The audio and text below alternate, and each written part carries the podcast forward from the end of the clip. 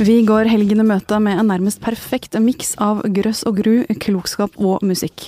Eh, psykologspesialist og rettspsykolog Pål Grøndal er her for å snakke om drapsmennene som ikke ble tatt, og deres psykologi. Filosof Lars Fredrik Svendsen har skrevet bok om ensomhetens filosofi, og er med oss fra sitt kontor i Bergen. Hallo, kan du høre meg? Hallo, hallo. Jeg hører deg utmerket. Så fint. Og når Vamp kommer med en ny plate, da er det bare rett og rimelig at bandets grunnlegger, bauta, komponist og tekstforfatter sitter her ved min side. Øyvind Staugland, fint å ha deg her. Takk for det. Pål Grøndal, jeg tenkte vi skulle starte med deg. Ehm, du er jo altså da forsker, psykologspesialist og rettspsykolog. Mm. Det er den siste delen av tittelen som kanskje pirrer meg aller mest. Altså Som rettspsykolog, hva gjør du?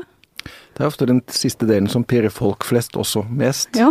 Fordi vi vet at drap, vold, eh, kriminalsaker, det tenner folks interesse og nysgjerrighet.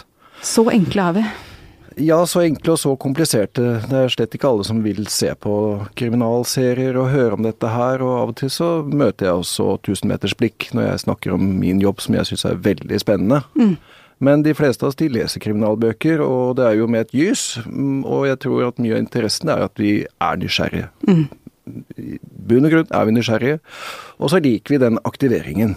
Den, den litt skumle greia som skjer i sofaen. Det lille grøsset nedover Det lille grøsset, det var da huff for meg, og, men egentlig så er jeg veldig trygg. For jeg sitter foran peisen, og, og det uler ikke utenfor. Nei, nettopp. Det vi gjør som rettspsykologer, det er jo mer at vi vurderer om de er strafferettslig tilregnelige eller ikke.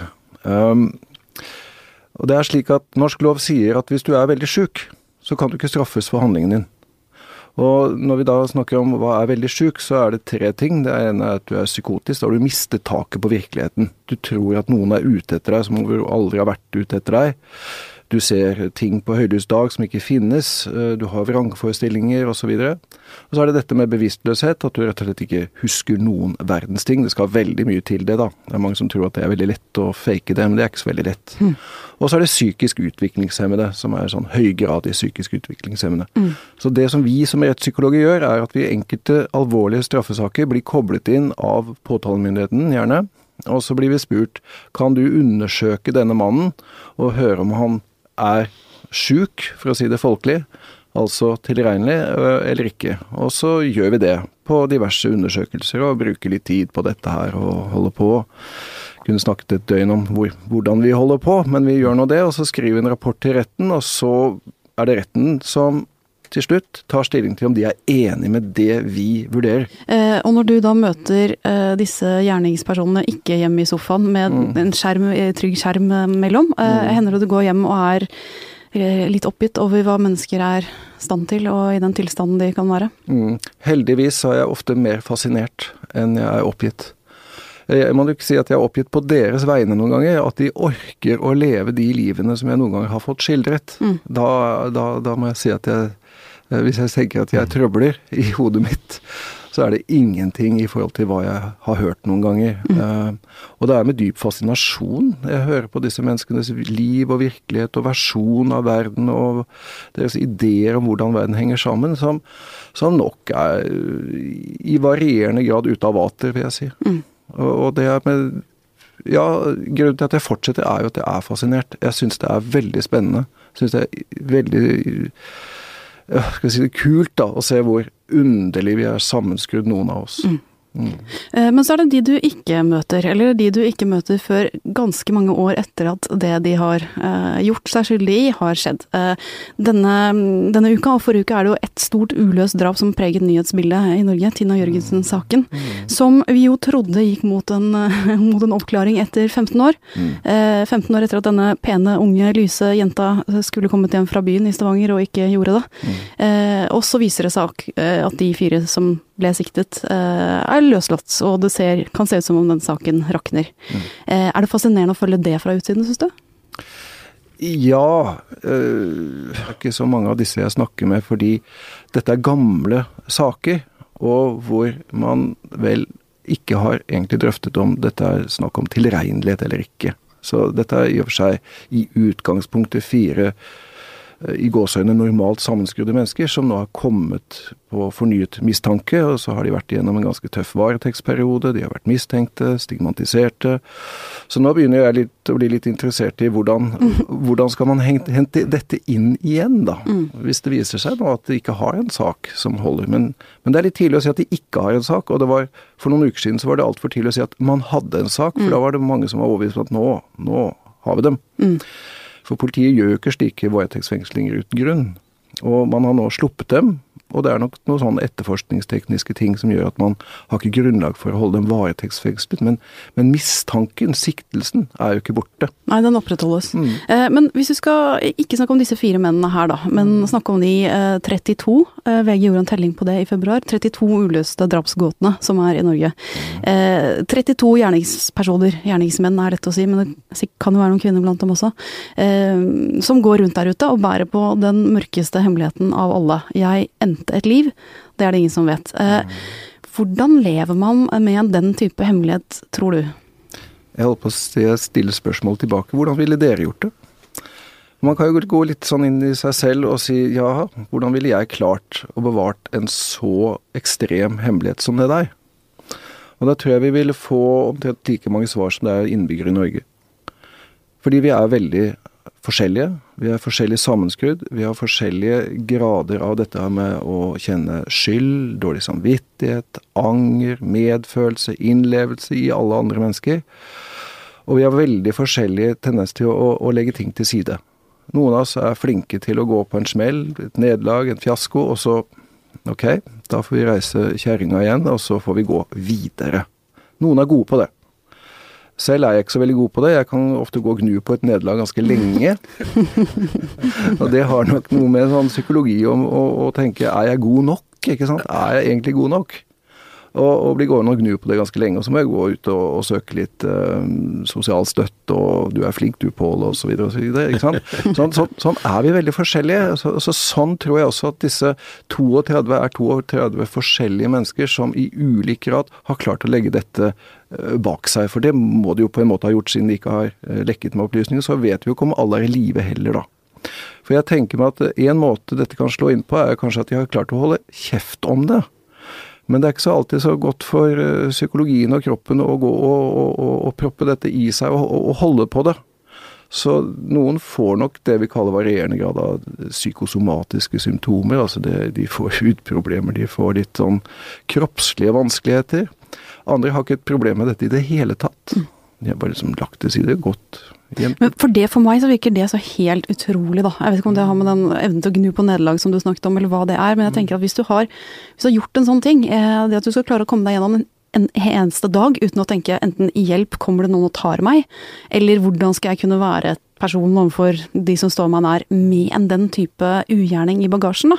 Eh, Lars Fredrik, hva, du som er filosofen, hva tenker du om det? Tror du det er mulig å gjøre seg fri fra den type handling? Ja, det, det, tror jeg. Men jeg tror også det vil avhenge mye av uh, hvordan man uh, tenkte uh, da, da, man utførte dette. Hvordan man tenkte også i forkant. For det, det er noen interessante undersøkelser hvor man har sett at folk som har påført andre en alvorlig skade, eller det som verre er, med overlegg, de angrer mindre enn personer som har gjort det ved et uhell eller lignende. Mm. Og så tenker vi at det, det burde være omvendt. Eh, det er de som har gjort det med overlegg som virkelig burde angre. Men saken er jo den at de har jo rettferdiggjort handlingen for seg selv allerede før den ble gjennomført. Og vil sånn sett uh, kunne tenke at her er det jo egentlig ikke noe å angre over. Sånn sett er ikke dette så tungt å bære. Mens de som har gjort dette mer ved et uhell, mer ved en impulshandling eller lignende, jo ikke har formulert et sånt forsvar før dette skjedde. Hmm. Så, så, her kan det nok være en, uh, være en, forskjell.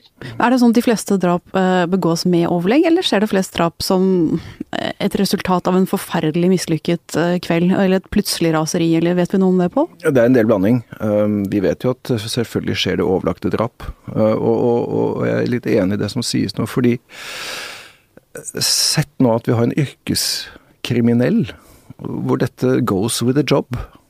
Det er overlagt, det er planlagt, og det er instrumentelt. Eh, ja, ok.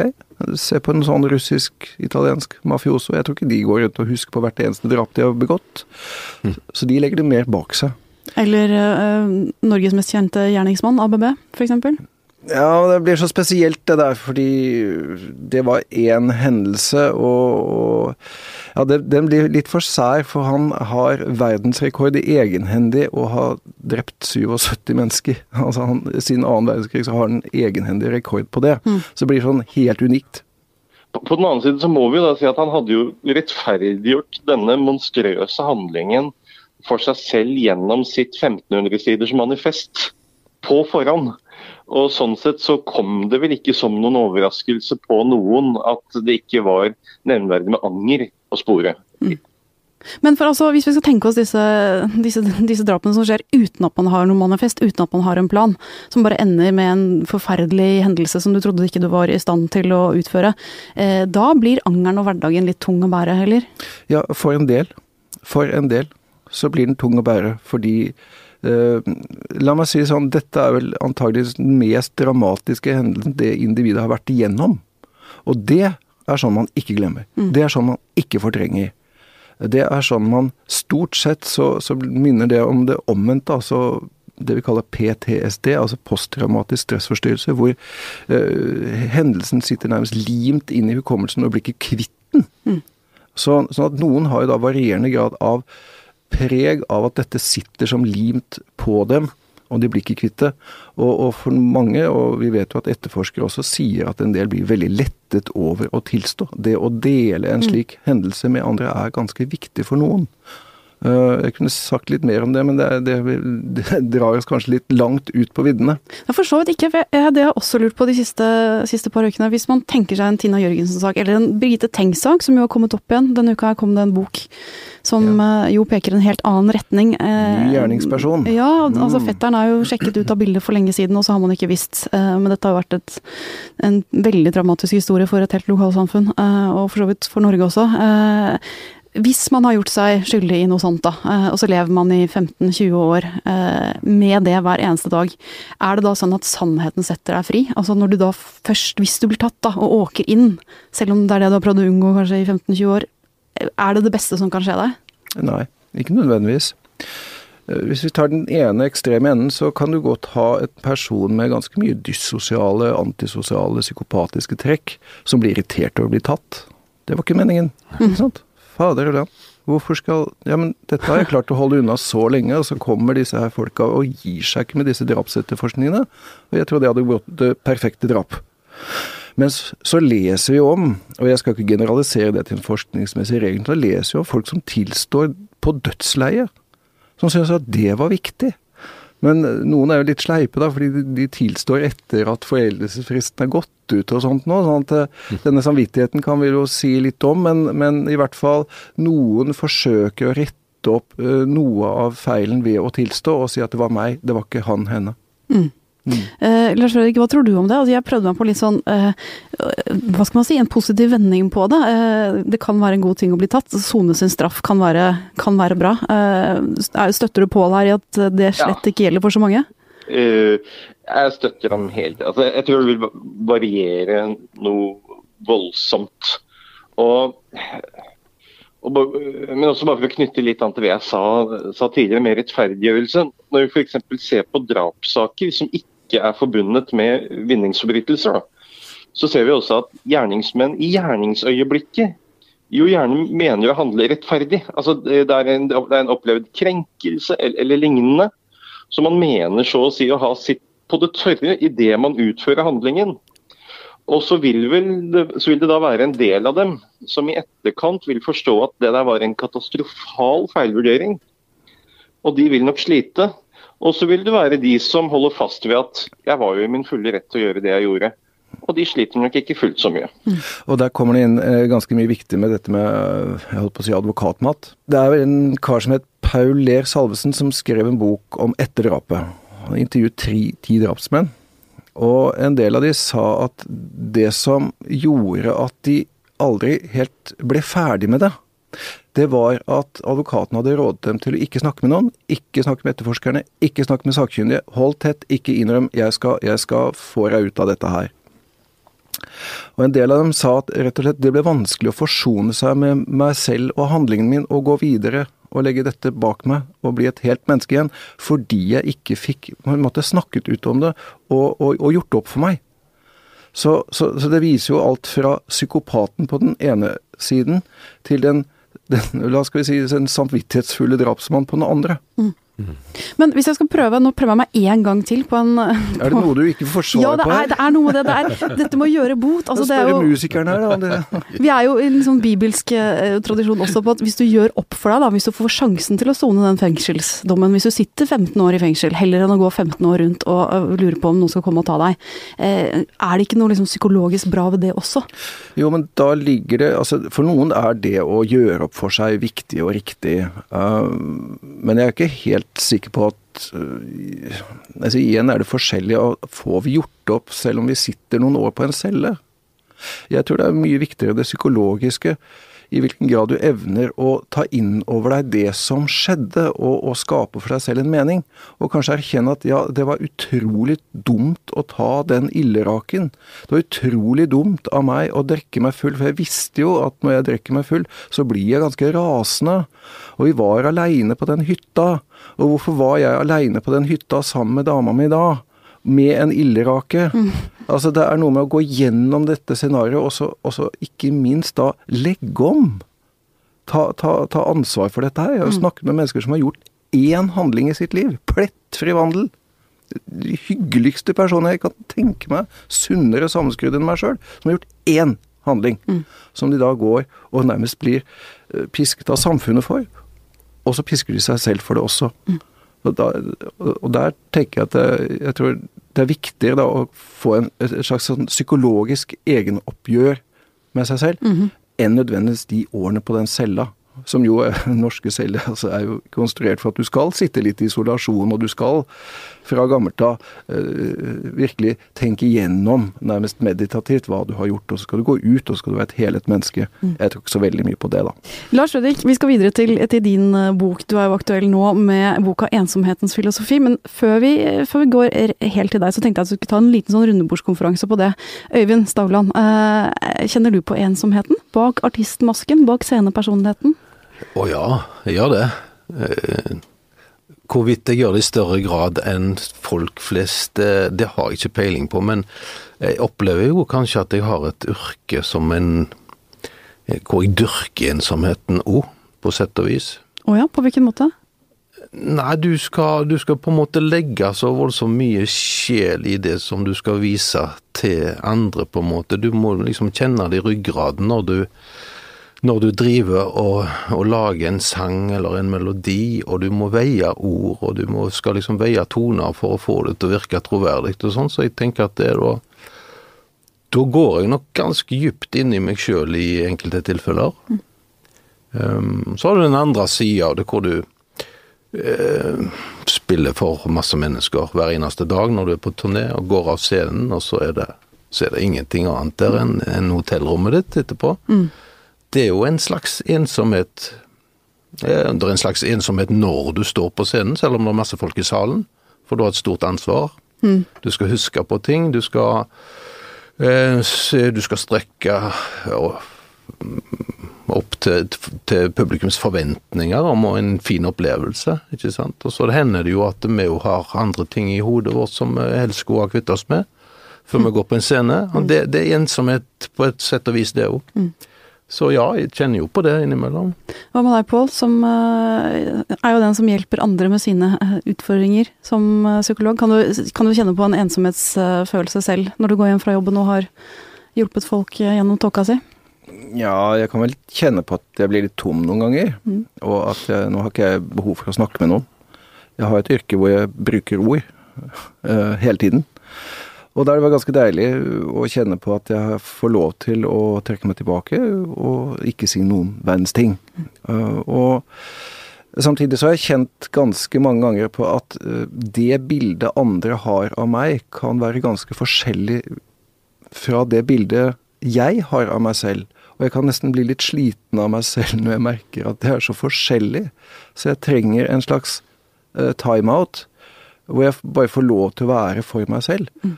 Og jeg er veldig glad i de stundene.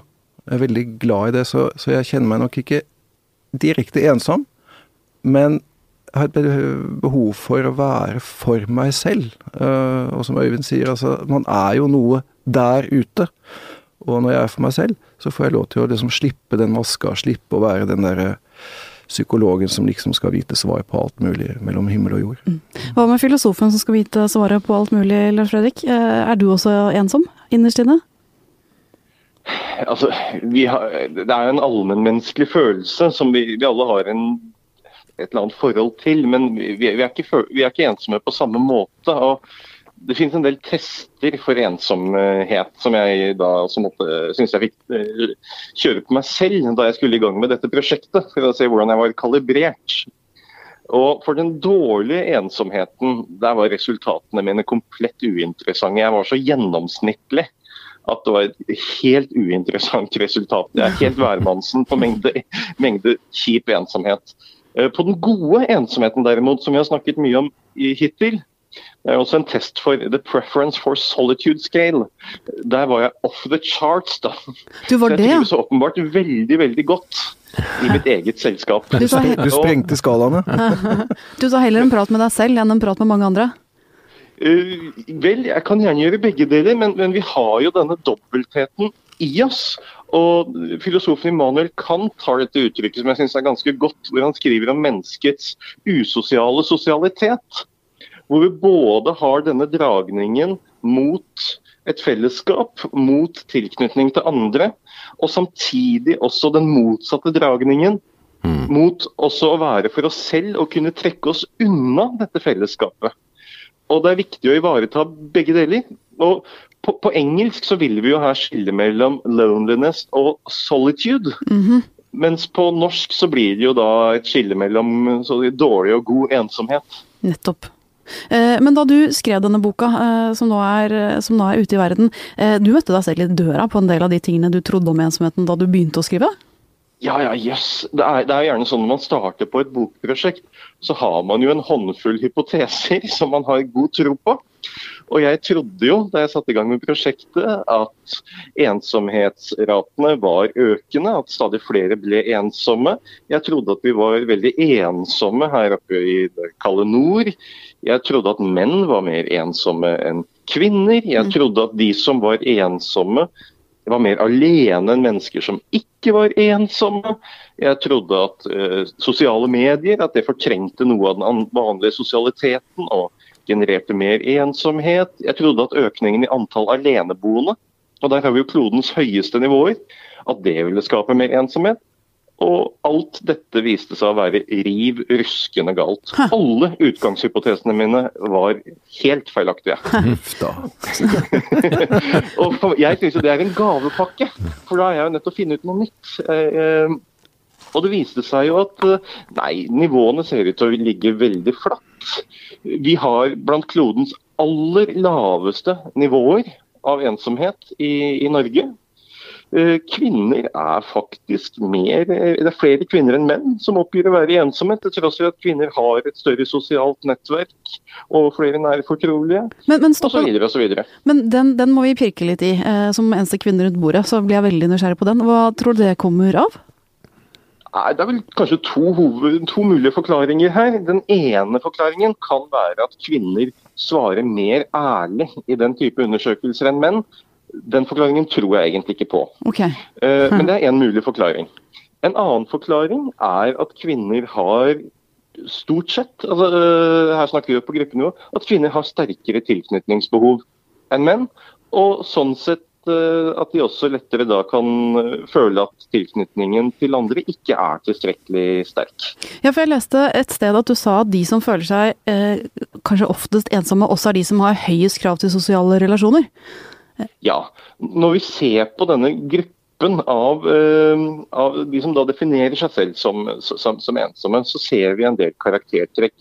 Og vi ser at de er mer negative både i vurderingen av seg selv og andre. de er, stiller mye høyere krav til hva slags sosial omgang som er tilfredsstillende. De er mindre tillitsfulle overfor andre. De mener at andre er mindre grad til å stole på. Og det er en del sånne, sånne karaktertrekk som, som, går igjen når vi ser på, ser på denne gruppen. Og, og, det er klart, altså det, det ensomhet handler om, er jo ikke antall mennesker man har rundt seg. Altså Det å være alene og det å være ensom er logisk og empirisk helt uavhengig av hverandre. Eh, de som oppgir at de er ensomme, er ikke mer alene enn mennesker som ikke er eh, ensomme. Så ensomhet handler om hva slags tilknytning man føler til andre. Og du vil ha mennesker som stort sett er alene mesteparten av tiden og ikke føler seg det minste ensomme. Og du har mennesker som er omgitt av en kjærlig familie og gode venner og føler seg forferdelig ensomme nesten hele tiden. Mm. Og da er vi vel inne på den vonde ensomheten? Ja.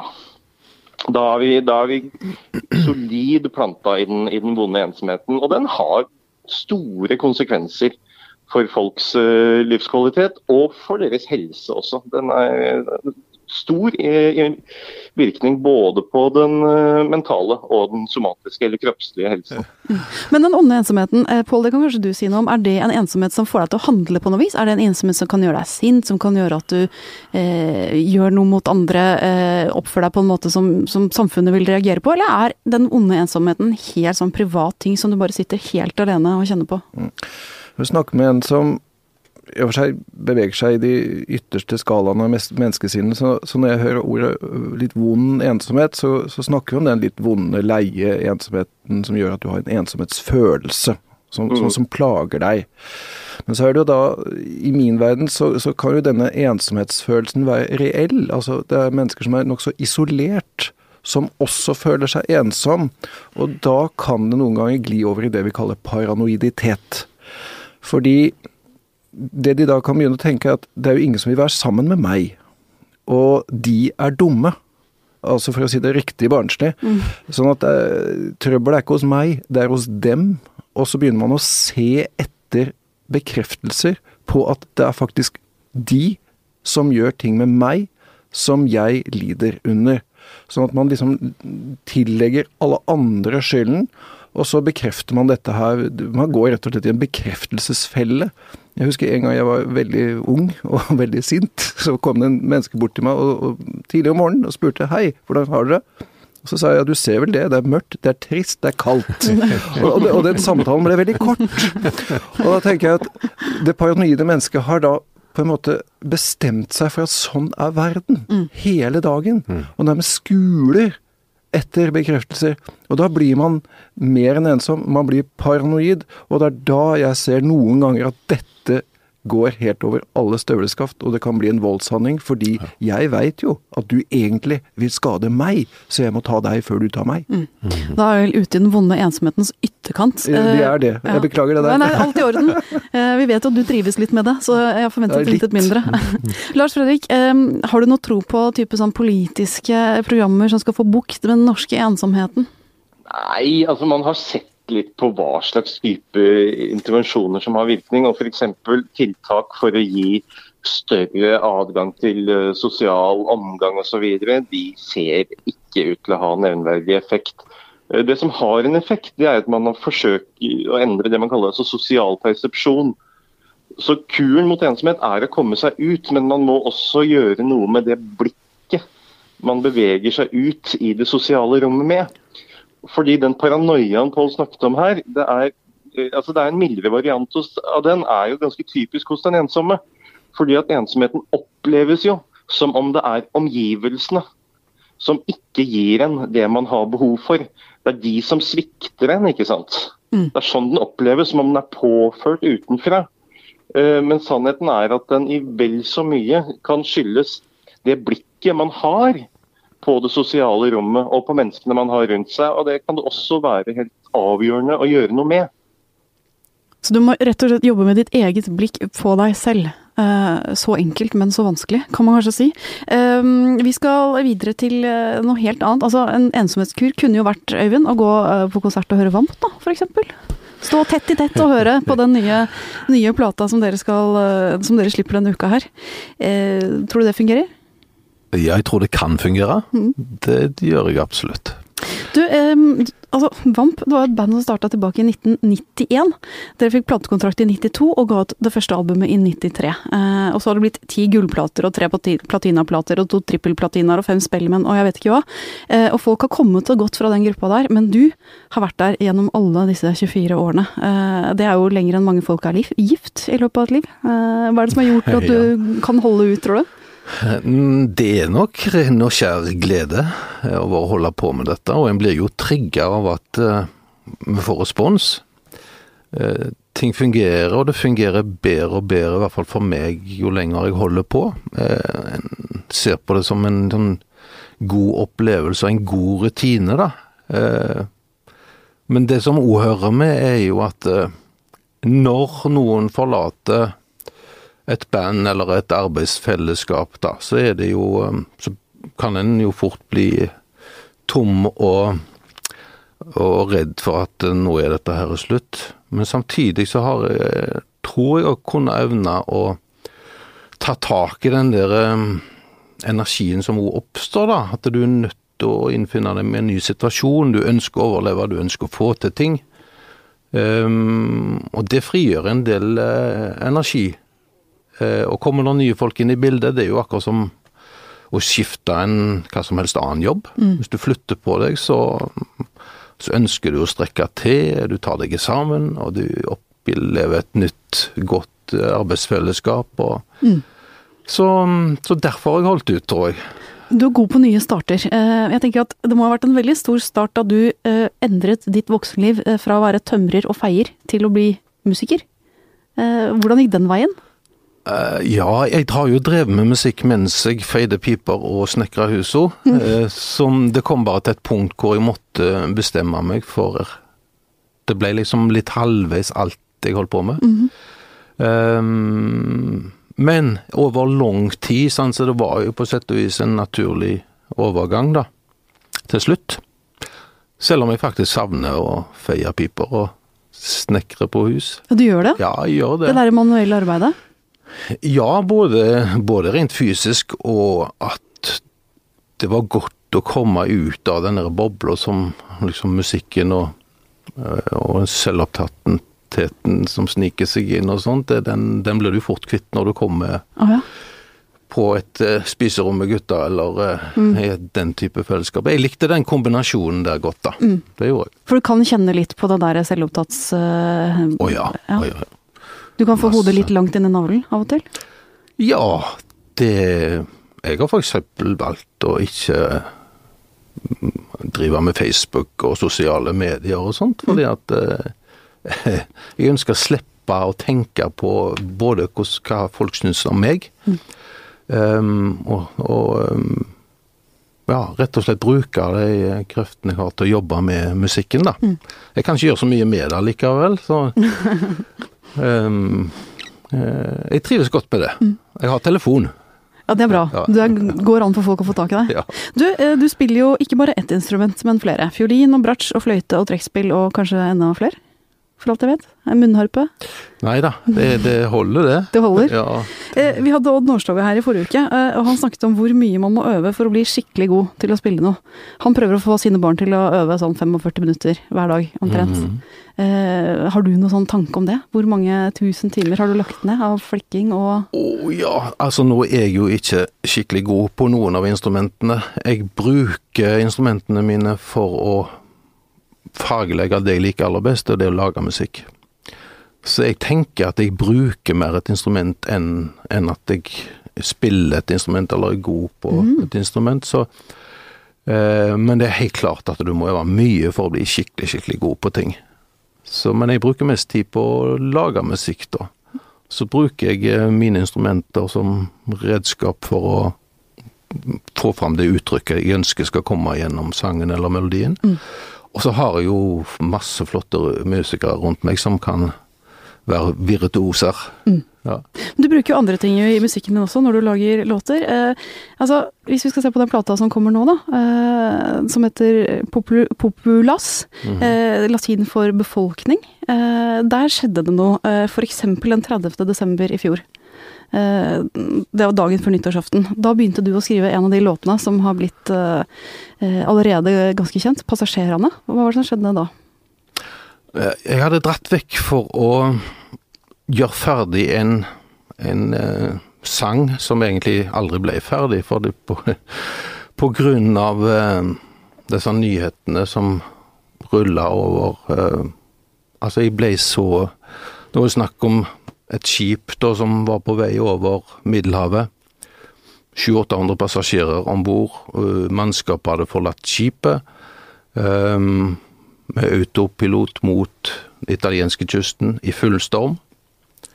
Um, krigen i Syria hadde vart lenge, sant, og vi hadde hørt historier før, men akkurat den der greia gjorde noe med meg, sånn at jeg eh, På noen timer da så skrev jeg denne sangen. Um, uh, det var i, slutten av desember, ja.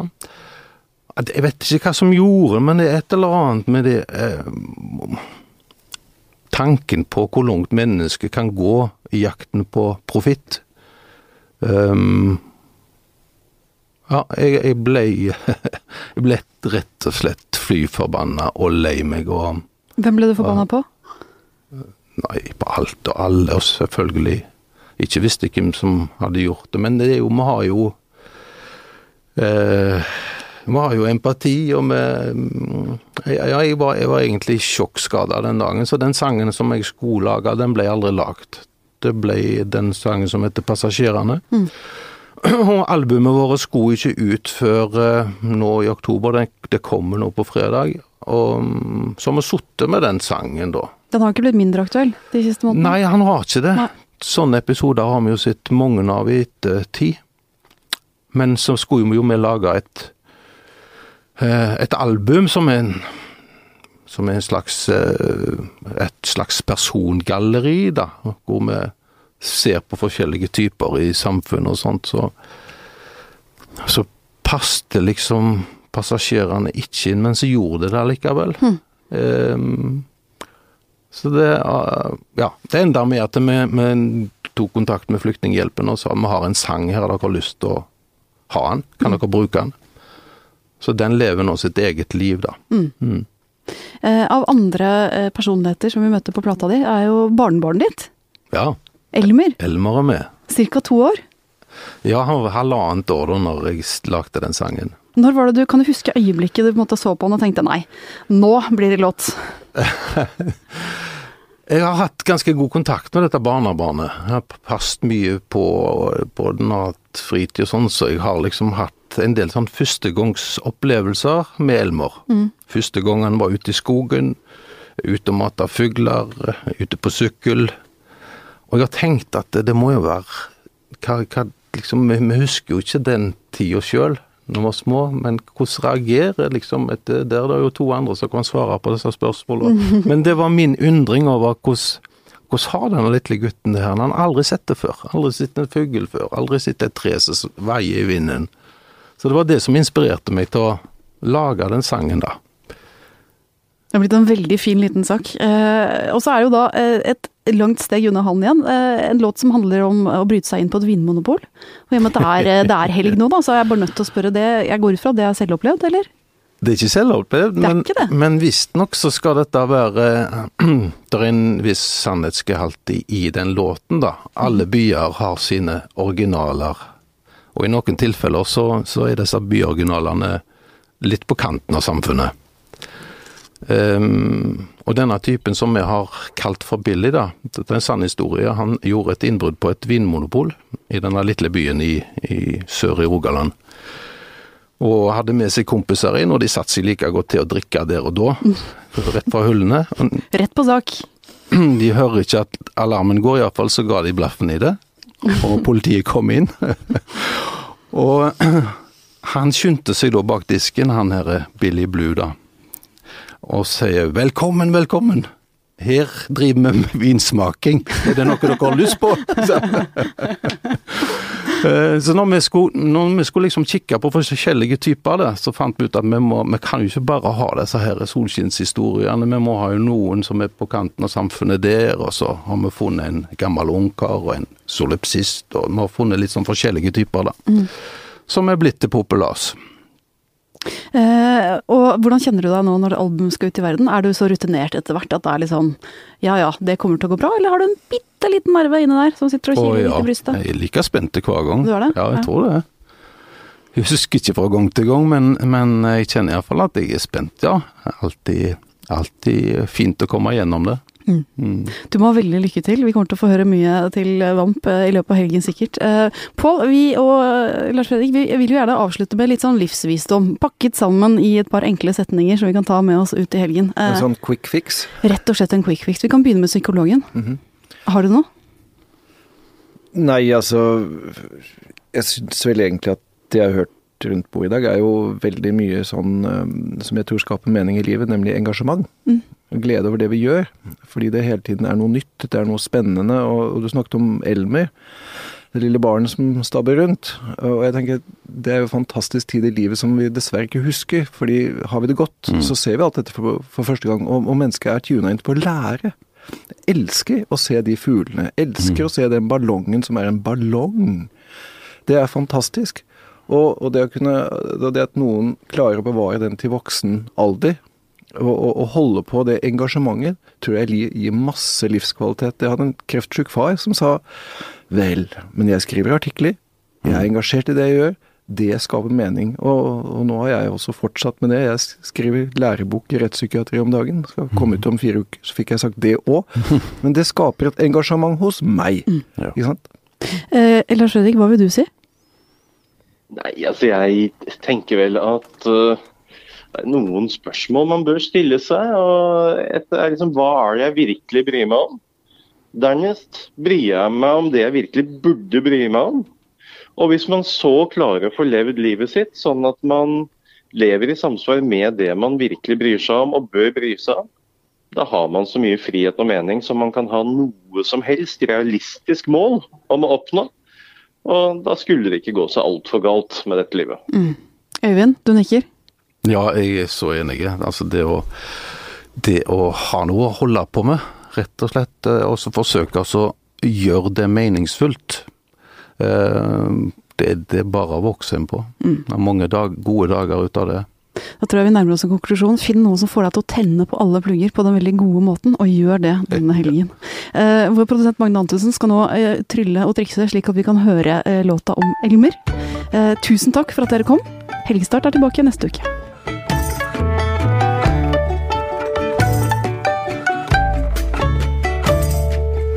Elmor. Han trør det aller første skritt på gulvet. Men han ramler bitte litt.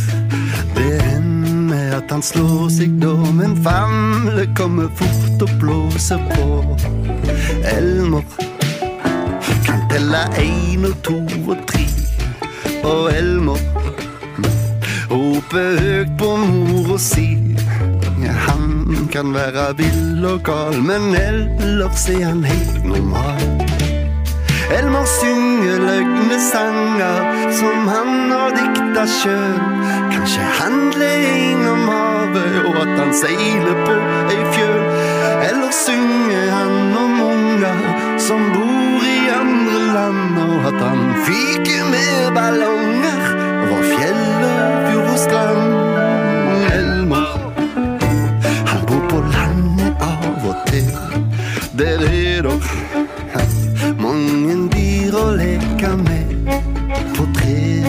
Trærne frukt og bær som de kan ta og spise til dessert. Når sommervinden varmer landet, da får Elmer spise is. Og han plasker vilt i vannet som de gjør på ungers vis.